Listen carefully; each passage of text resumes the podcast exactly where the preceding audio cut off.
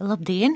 Es esmu Jūrmālas pilsētas muzeja vēsturniece Inga Sārma un gribu jums šodien pastāstīt par dzintaru koncertu zāli. Vai jūs zināt, ka dzintaru koncertu zāle, kas ir Jūrmālas vizītkarte un Latvijas lepnums, ir tapusi nieka trīs mēnešu laikā un ir uzcelta uz citas mājas pamatiem, un tās celtniecībā ir izmantoti dažādi dēļi, finieri no citām noplēstām ēkām. Dzintara koncerta zāles vēsture ir ļoti sena tā aizsākusies jau 19. gadsimta beigās. Tad, kad eh, tajā vietā, kur tagad ir koncerta zāle, darbojās Edinburgas kūrmāja. Un tā ir pašai sava līku ločiem bagāta vēsture, bet ja par pašu cintaru koncerta zāli, to, kuru mēs pazīstam šodien, mazo zāli konkrēti, tad uh, tas stāsts sākas 30. gados. Vasaras koncertu burvība visiem ir zināma. Šalts priedes, turpat čalo viļņi, viss ir brīnišķīgi un skan mūzika. Bet tas ir tikai tad, kad ir labi laika apstākļi. Bet tā kā mūsu klimats mūs bieži vien vasarā arī mēdz pārsteigt ar lietu un vēju, Tad 30. gados situācija bija tāda, ka vaļējā koncerta estrāde koncerta dārzā bija tik bēdīgā stāvoklī, ka lietu spilēja ne tikai uz skatītājiem, kuri varēja paslēpties zem lietu sargiem, bet pilēja arī caur estrādes jumtu uz mūziķu galvām, uz viņu partitūrām.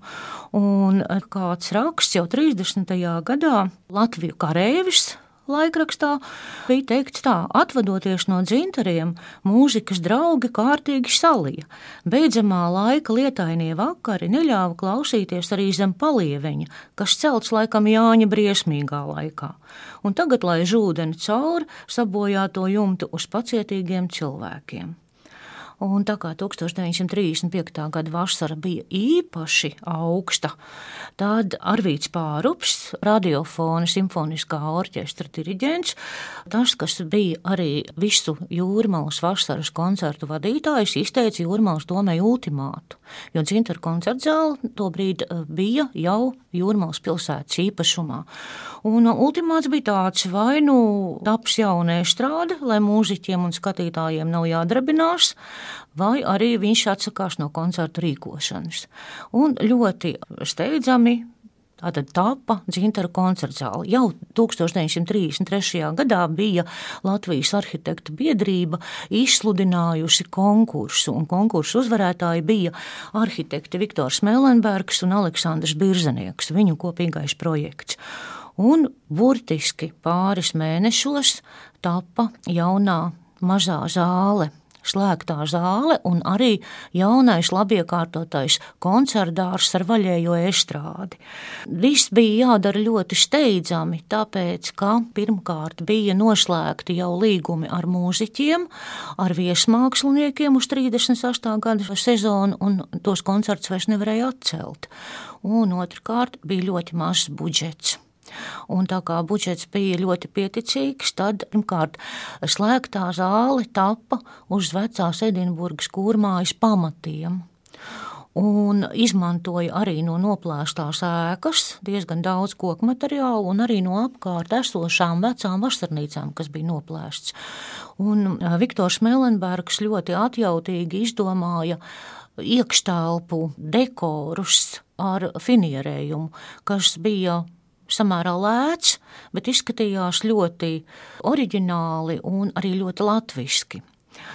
Slēgtās zāles un uh, koncertdārza vaļējo estrādi tātad projektēja Viktors Melenbergs, bet akustikas risinājums veidoja Aleksandrs Bīrsnieks, savukārt mākslinieks Anšis Ciruls izstrādāja mazās zāles foje interjera projektu. Projekta priekšlikumos arhitekti izvēlējās tādu fasādes krāsojumu, lai koku struktūra būtu viscaur redzama. Un abas zāles, gan vaļējā, gan slēgtā, bija savienotas ļoti atjautīgi ar galeriju un veidoja tādu harmonisku ansambli. 1938. gada pavasarī aizsākās būvdarbi, un jau 27. jūnijā notika koncertdārza, bet 25. jūlijā slēgtās koncertzāles atklāšanas koncerti.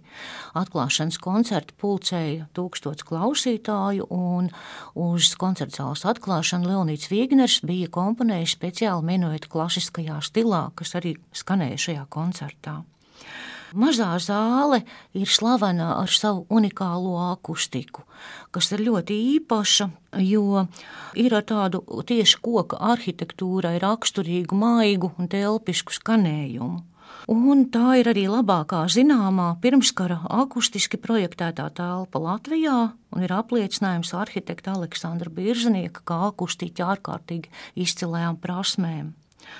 No 1931. gada, vēl pirms uh, jaunā koncertāžas un koncertzāles tapšanas, jau Latvijas radiofons raidīja tiešraidē koncertus no dzintaru koncertzāles un translēja tos pat uz ārzemēm. Tā kā dzintaru koncertzāle bija pazīstama jau tuvu un tālu. Un jāteic, ka Jūrmālas doma bija noteikusi ļoti demokrātiskas cenas biļetēm - 50 centīmi par vietējo mākslinieku koncertiem un pusotra lata pār viesmāksliniekiem. Un savukārt tiem peldu viesiem, kas bija kārtīgi maksājuši peldu nodokli, viņiem divreiz nedēļā koncerti bija par velti. Mūsdienās dzintaru koncertzāle ir Latvijas lepnums, ne tikai jūrmālas lepnums. Tā ir vienīgā valsts nozīmes uh, arhitektūras piemineklis, vienīgā koncertzāle, kas ir Latvijas kultūras kanonā.